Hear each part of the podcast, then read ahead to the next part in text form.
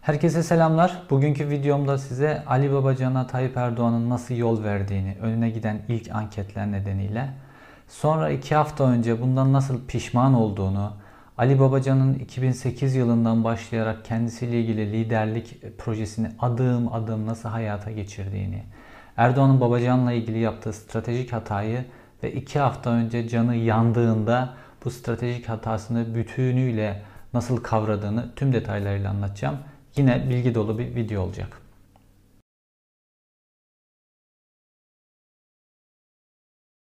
Önce Tayyip Erdoğan'ın Ali Babacan'a nasıl yol verdiğiyle, buradaki hatasıyla başlayalım kendi stratejisi açısından. Tayyip Erdoğan birisini kendisine rakip olarak gördüğü zaman ona hiçbir biçimde kesinlikle yol vermez. Bunda siyasi oyunlar kullanır, yargı oyunları kullanır, baş, para kullanır, her türlü yöntem kullanır ve rakibini engeller.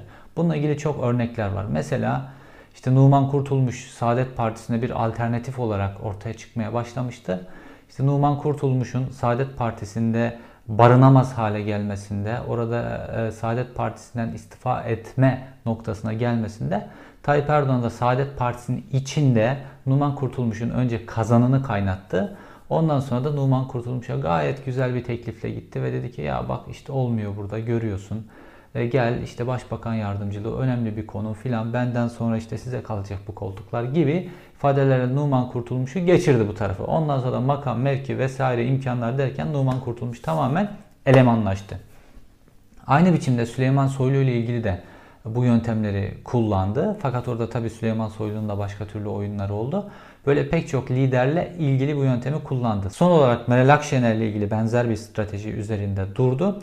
Meral Akşener e, Milliyetçi Hareket Partisi'nin liderliğine doğru ilerliyordu. Ve Milliyetçi Hareket Partisi'ne Meral Akşener'in getireceği ivme ile e, Tayyip Erdoğan'ın artık iktidarda tutunamayacağı çok belliydi. Çünkü AKP'nin oyları erimişti. Bir partnere ihtiyacı vardı. Bu partner MHP'den başka bir partner olamazdı. Çünkü HDP'li ipler atılmıştı o süreçte. Ve dolayısıyla da tek partner olarak e, Milliyetçi Hareket Partisi'nin başına başında Tayyip Erdoğan'ın istediği birisinin tutulması gerekiyordu. Meral Akşener bu isim olamazdı. O zaman ne yaptı Tayyip Erdoğan? Meral Akşener adım adım adım harcadı ve Milliyetçi Hareket Partisi'nin başına geçmesini engelledi. Nasıl yaptı bu? İşte kongrede biliyorsunuz oyunlar döndü. Meral Akşener yeterli e, imzayı toplamasına rağmen kongrenin toplanmaması için işte uyduruk kaydırık e, yerel mahkemelerden kararlar çıkardılar vesaire ve Meral Akşener'e artık MHP'de e, liderlik yolunu tamamen kapattılar ve Meral Akşener başka bir parti kurdu. Başka bir parti kurmasını da hesaplamışlardı. Bu çok e, riskli değildi Tayyip Erdoğan için o gün. MHP'yi potada tutuyor olduğu sürece. Tayyip Erdoğan için diğer bir riskli lider adayı Selahattin Demirtaş'tı. Onu hiçbir ahlak hukuk kuralı tanımadan doğrudan Edirne cezaevine kapattı. Türkiye'nin ücra köşelerinden bir tanesi. İşte Selahattin Demirtaş'ın etkin olduğu bölgeye göre oraya kapattı ve Selahattin Demirtaş faktörünü de yok etti. Yani Tayyip Erdoğan kendisine alternatif bir lider ya da kendi oylarını bölebilecek, kendisini iktidardan düşünebilecek bir lider potansiyeli çıktığında son derece acımasız oluyor. Onu hapse de atar, işte mahkeme oyunlarıyla mevcut partisinde liderliğe yürümesini de engeller. Her şeyi yapar Tayyip Erdoğan. Meral Akşener de bunu yaptı. Selahattin Demirtaş da bunu yaptı. Ya da menfaatle işte Numar Kurtulmuş, Süleyman Soylu gibi insanları partilerinden koparıp alıp elemanlaştırdı. Fakat neden bunu Ali Babacan için yapmadı? Şimdi kritik soru burası. Ee, Ali Babacan'la ilgili Tayyip Erdoğan o çok güvendiği anketler nedeniyle hata yaptı. Tayyip Erdoğan'ın esas korktuğu kişi e, Abdullah Gül'dü. Abdullah Gül'ün özellikle Cumhurbaşkanlığı seçimlerinde karşısında aday olmasından Tayyip Erdoğan çok korkuyordu. Çünkü oyların bölünmesi ihtimali, e, işte muhalefetin de arkasında toplanma ihtimali ve kendi tabanından o çekme ihtimali nedeniyle Abdullah Gül de korkuyordu. Fakat Abdullah Gül işte konsensüs sağlanamayıp Cumhurbaşkanı adayı olamayınca Ali Babacanlarla geliştirdikleri formül şuydu. Ali Babacan e, seçilecek, başbakanlık sistemine dönülecek, Abdullah Gül Cumhurbaşkanı olacak, Ali Babacan başbakan olarak devam edecek. Formül bu. Tayyip Erdoğan da tabii e, gerek istihbarat gerek diğer bütün yöntemlerle bu hareketin bütün hareketlerini kontrol ediyordu. Fakat ayrıyeten bu hareketin üzerine ne kadar gidecek? Mesela Selahattin Demirtaş gibi hapse tıkmak mı? Ya da Meral Akşener'e yaptığı gibi hukuk oyunlarıyla önünü kapatmak mı? Bu, bütün bu seçenekleri değerlendiriyordu. Fakat anketler Tayyip Erdoğan'ı yanılttı. Şimdi Tayyip Erdoğan'ın önüne o günlerde giden anketlerde şöyle ilginç bir şey vardı. Babacan'ın kamuoyundaki bilinirliği ve Ali Babacan'ın bir parti kurmakla ilgili kamuoyundaki bilgi e, Ahmet Davutoğlu'nun partisinde ne olan ilgi ve partisiyle ilgili bilgiden çok daha azdı. Yani burada Tayyip Erdoğan şunu düşündü. Ali Babacan hep teknokrat gibi birisiydi. Hiç mitinglere katılmadı. Hiç tartışmaların içerisinde olmadı.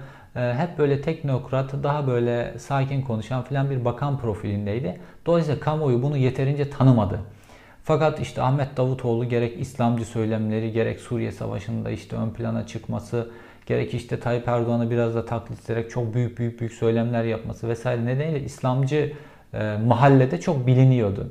Fakat Tayyip Erdoğan şunu düşündü. Ben Ahmet Davutoğlu'nu bir kere devirdim. Bir kere daha devinirim. Ahmet Davutoğlu çok büyük rakip bana değil. E, dolayısıyla Davutoğlu'nun önünü kesmekle ilgili çok öyle bir hamle yapmadı.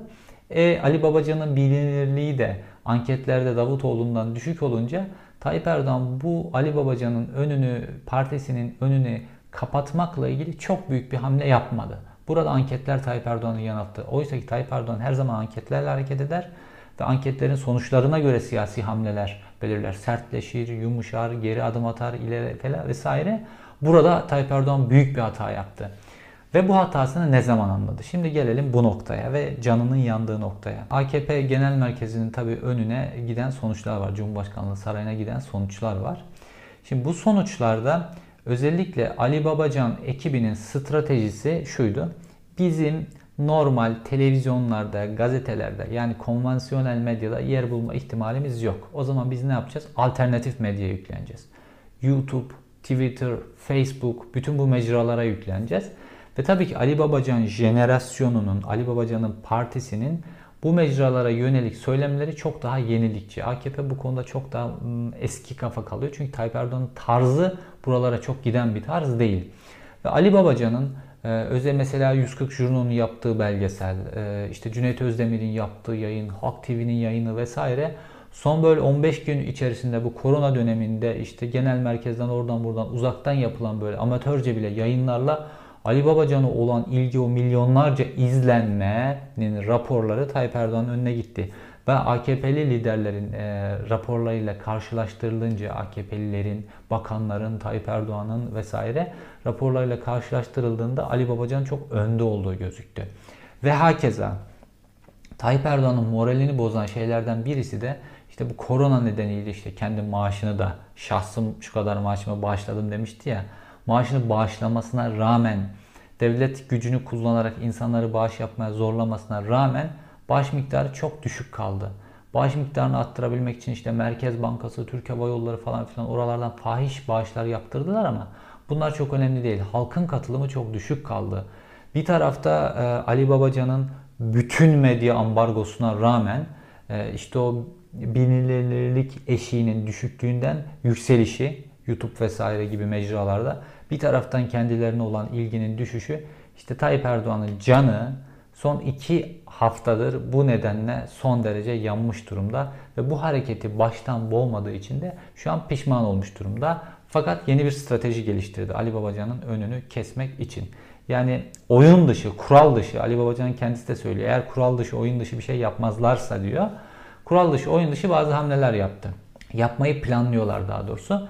Şimdi Tayyip Erdoğan'ın Ali Babacan'la ilgili o baştaki stratejisinden vazgeçtiğini söylemek doğru olmaz hala Ali Babacan'ı böyle çok açık ve net biçimde hedef almıyor. Bunu Meral Akşener'le ilgili de yaptı. Çok açık ve net biçimde hedef alırsa kendi medyasında aynı zamanda da negatiften onun reklamını yapmış olacak. İsmini gündeme getirmiş olacak. Dolayısıyla e, ne yaptı?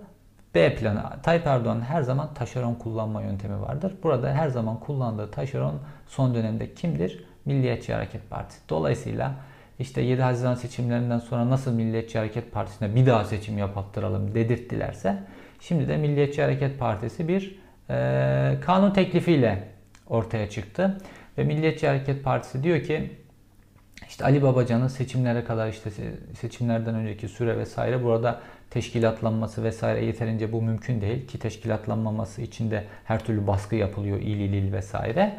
E, fakat Cumhuriyet Halk Partisi ne yapabilir? Tıpkı Meral Akşener'in İyi Partisi'ne yaptığı gibi ödünç milletvekilleri verebilir. Bu ödünç milletvekilleriyle Ali Babacan'ın parti bir grup kurar Ve dolayısıyla da e, hem Ali Babacan'ın partisi hem de Davutoğlu'nun partisi seçimlere girebilirler.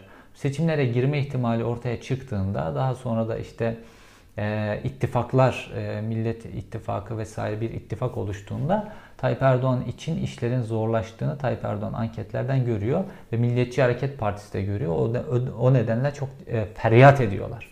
E, işte ortaya sürdükleri yöntem e, milletvekillerinin transferinin ya da başka bir partiye geçişinin bu tip yardımlaşma gibi yöntemlerle önüne geçmek için bir kanun teklifi e, gündeme getirdi Milliyetçi Hareket Partisi. Tabii ki sarayın projesi bu. Orada pişirilip Milliyetçi Hareket Partisi'ne siz sözcülüğünü yapın denmiş. E, önce işte bir yalanlanır gibi falan oldu ama AKP Grup Başkan Vekili Naci Bostancı ki kendisi hocamdır. Üniversitedeyken bize böyle büyük büyük büyük büyük e, demokrasi nutukları verirdi. Şu an inanılmaz böyle Gestapo'nun e, yani elemanlarından birisi olmuş durumda. Böyle bütün o e, antidemokratik yasaları savunuyor. İnanılır gibi değil. Naci Bostancı çıktı ve dedi ki evet böyle bir kanun hazırlığı var. Tekamül ettiğinde bununla ilgili gerekli açıklamaları yapacağız. Ve bunu da böyle temiz siyaset kılıfına büründürdü. Sanki AKP şimdiye kadar hiç milletvekili transfer etmemiş de dediğim gibi işte partilerin genel başkanlarını çeşitli menfaatlerle transfer ettiler. Ee, dolayısıyla e, Ali Babacan'ın önünü kesmek için böyle bir formül geliştiriyorlar. Fakat bütün bu baskılar, bütün bu yöntemler aynı zamanda da belli liderlerin büyümesini sağlarlar. Efsaneleşmesini sağlarlar. Tayyip Erdoğan'ın önü de geçmişte böyle işte kesilme hikayeleri var biliyorsunuz. Ali Babacan'ın da önünün kesilme hikayeleri olabilir. Fakat Ali Babacan genç. Daha bir seçim, iki seçim, üç seçim, dört seçim göğüsleyebilecek kadar zamanlı var. Ve Ali Babacan efsanesini bu tip önünü kesme hamleleri büyütecektir. Ve Ali Babacan'a yönelik ilgiyi de büyütecektir. Ki zaten şu an Ali Babacan'a yönelik ilginin büyümesinin temel motivasyonlarından bir tanesi ekonomideki dağılma. Ali Babacan en kritik noktadan hükümeti yakalamış durumda, yakasından yakalamış durumda ve bu da popülaritesini arttırıyor ki bütün vuruşları da Tayyip Erdoğan'a ekonomi üzerinden oluyor. Ve son e, işte o Cüneyt Özdemir'in programındaki o milyonlarca izlenmeden sonra ilk defa kritik bir şey oldu. Ki bu Tayyip Erdoğan'ın canının nasıl yandığının da çok önemli bir göstergesi. İlk defa AKP'nin böyle kritik isimleri Ali Babacan'a cevap verdiler. Ne üzerinden? Parmak şıklatma üzerinden. Ali Babacan o videosunda böyle biraz da AKP'yi böyle liderliğini aşağılar biçimde işte seçilirsem hemen ülkedeki özgürlük ortamını değiştiririm, adaleti sağlarım. Nasıl yaparım bunu? İşte düşünce suçlularını serbest bırakırım. Yargın üzerindeki baskıyı kaldırınca zaten adalet kendi kendini tesis etmeye başlar ve bunu bir parmak çıtlatmasıyla yaparım. Bu kadar kolay dedi. Şimdi Mustafa Varank e, geçmişte Tayyip Erdoğan'a en yakın çalışmış e, isim, özel kalem müdürü vesaire. Şu an bakan kendisi. Mustafa Varank işte bu parmak şıtlatmayla olmadı biz 18 yıl mücadele verdik bu demokratik e, açılımlar için vesaire gibi açıklamalar yaptı. Ve bir dizi AKP'li de buna cevap verdiler.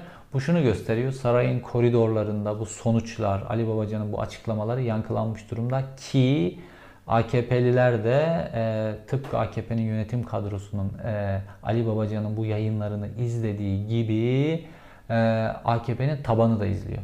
Zaten son zamanlardaki televizyonlardaki rating rakamlarına da baktığınızda eskiden Tayyip Erdoğan televizyonlara canlı yayına çıkıp konuştuğunda yani milli maçlardan bile çok izlenirdi yani böyle çok yüksekti. Fakat şimdi böyle sıradan diziler, sıradan programlar bile Tayyip Erdoğan'ın e, reytingini geçiyor. Ki bu YouTube dünyasında vesaire Tayyip Erdoğan reytingiyle keşke böyle bir aynı anda hem e, Tayyip Erdoğan hem Ali Babacan iki ayrı YouTube yayınına katılsalar da görsek burada yetişmesi mümkün değil. Tıpkı AKP'nin lider kadrosunun izlediği gibi AKP'nin tabanı da e, Ali Babacan'ı izliyorlar ve bu ilgi e, Tayyip Erdoğan'ın canını son derece yakmış durumda. Erdoğan'ın planını bozan şey aslında çok güzel kurduğu bir tezgah vardı. Erdoğan'ın temel planı şudur. AKP'den e, bir oy kaçarsa alternatif bir merkez sağ partisi olmasın oraya kaçmasın. Çünkü Erdoğan biliyor ki benim seçmenim bana oy veren seçmen, AKP'ye oy veren seçmen anca başka bir sağ parti oy verirler. Çok nadiren hani e, Bülent Ecevit çok farklı bir solcuydu. Böyle sağ seçmenin de oy verebileceği bir solcuydu. Böyle bir e, sol liderin çıkması artık mümkün değil. Sağ bir partiye gidecek. Bu sağ parti olmamalı. Tayyip Erdoğan'ın bütün stratejisi bunun üzerine. Şimdi Milliyetçi Hareket Partisi çok köklü bir parti ve kendine göre ideolojisi işte ülkücülük vesaire var. Dolayısıyla Milliyetçi Hareket Partisi'ni yok edemezsin. Yok edemezsin. Fakat diğer sağ partilerin işte ANAF ve DYP kendi kendilerini zaten imha ettiler, yok ettiler. E, fakat geri irili, irili ufaklı küçük işte az önce dediğim gibi Numan Kurtulmuş döneminde Saadet Partisi, işte Süleyman Soylu döneminde Doğru Yol Partisi vesaire bunlar alternatifler. Merkez sağ seçmenin kaçabileceği mecralardı. Bu iki lideri de kadrosuna kattıktan sonra Tayyip Erdoğan hiçbir biçimde merkez sağda herhangi bir filizlenmeye izin vermedi. Sağ seçmenin oy vereceği hiçbir filizlenmeye izin vermedi ki Selahattin Demirtaş da sağ seçmenin oy verebileceği bir e, pozisyondaydı. E, ve özellikle İslami e, kimliği olan bir kişinin çıkmasına hiç izin vermedi.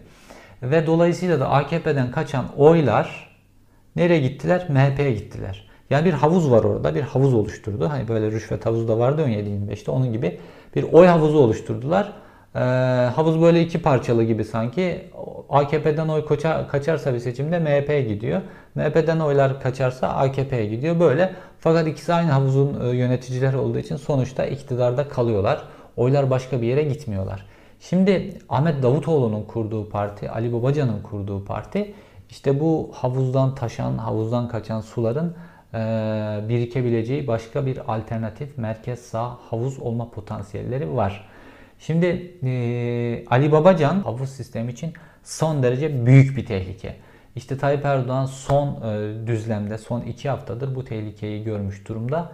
Ve Ali Babacan'ın önünü kesmek için belli hamleler yapacaktır mutlaka. İşte e, Ali Babacan'ı işte cemaatle ilişkisi olmakla ilgili suçlamaya başladılar vesaire pek çok şeyle e, ilgili suçlamaya başladılar.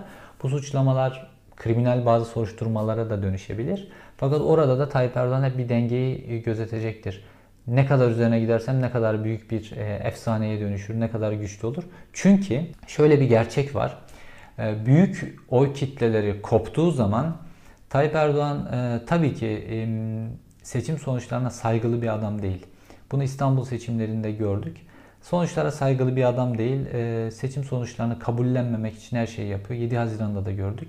Yani halk 7 Haziran'da dedi ki Tayyip Erdoğan'a koalisyon kur kardeşim. Ve en mantıklı koalisyon o zaman Cumhuriyet Halk Partisi ile koalisyon kurmaktı. Tayyip Erdoğan e, seçmenin bu mesajını reddetti. Ne yaptı? Güneydoğu'da savaş başlattı. Güneydoğu'yu yerle bir etti vesaire. Ülkede bombalar patladı. Her yerde öyle bir ortam oluştu ki ve milliyetçi oyların yükselmesine sebep oldu ve partner olarak MHP'yi belirlediği için de oranın da oyları yükseldi. Ve dolayısıyla yeni bir e, seçim sonucunu kabullenmeyerek yeni bir kanla yeni bir düzlem oluşturdu. Ee, ve İstanbul seçimlerinde, yerel seçimlerinde kaybetti seçimleri. Fakat ne yaptı? Asıldı, kabullenmedi bu seçimi, oyunlarla seçimi iptal ettirdi. Fakat tutunamadı. Bu tutunamama noktası son derece önemli.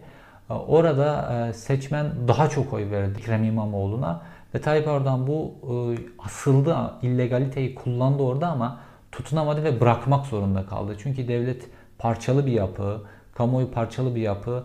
E, AKP'nin kendi seçmenleri bile bunu kabullenmediler. Yani niye vermiyor iktidar? Kaybettik işte seçimi. Onlar bile kabullenmediler.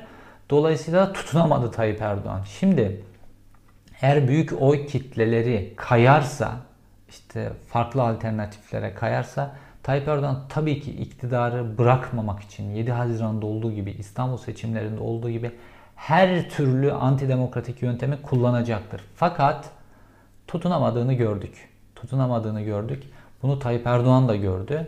O yüzden o noktaya gelmeden önce Ali Babacan'la ilgili belli hamleler yapabilir. Şimdi kritik noktalardan bir tanesi de Ali Babacan'ın kendi liderlik e, stratejisini, kendi liderlik hikayesini nasıl oluşturduğu ile ilgili.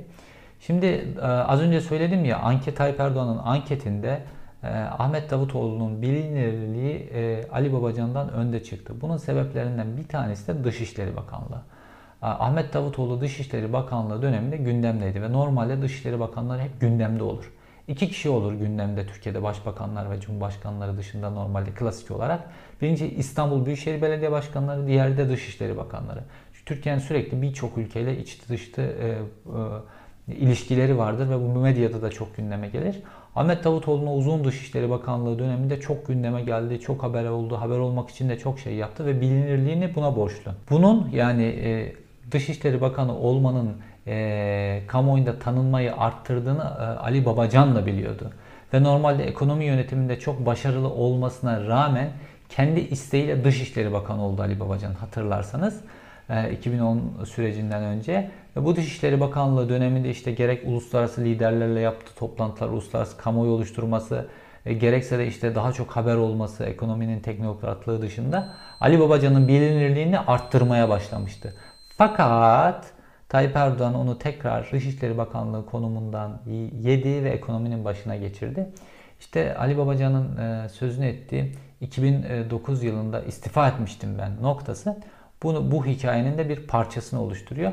Belki bu hikayeyi Ali Babacan'ın 2009 yılındaki istifasının e, perde arkasında o hikayeyi anlatırız. Böylece başka bir videoda böylece Ali Babacan'ın hareketi de daha iyi anlaşılmış olur. Şimdilik bu videoyu burada bağlayalım. E, bir sonraki videoda görüşmek üzere.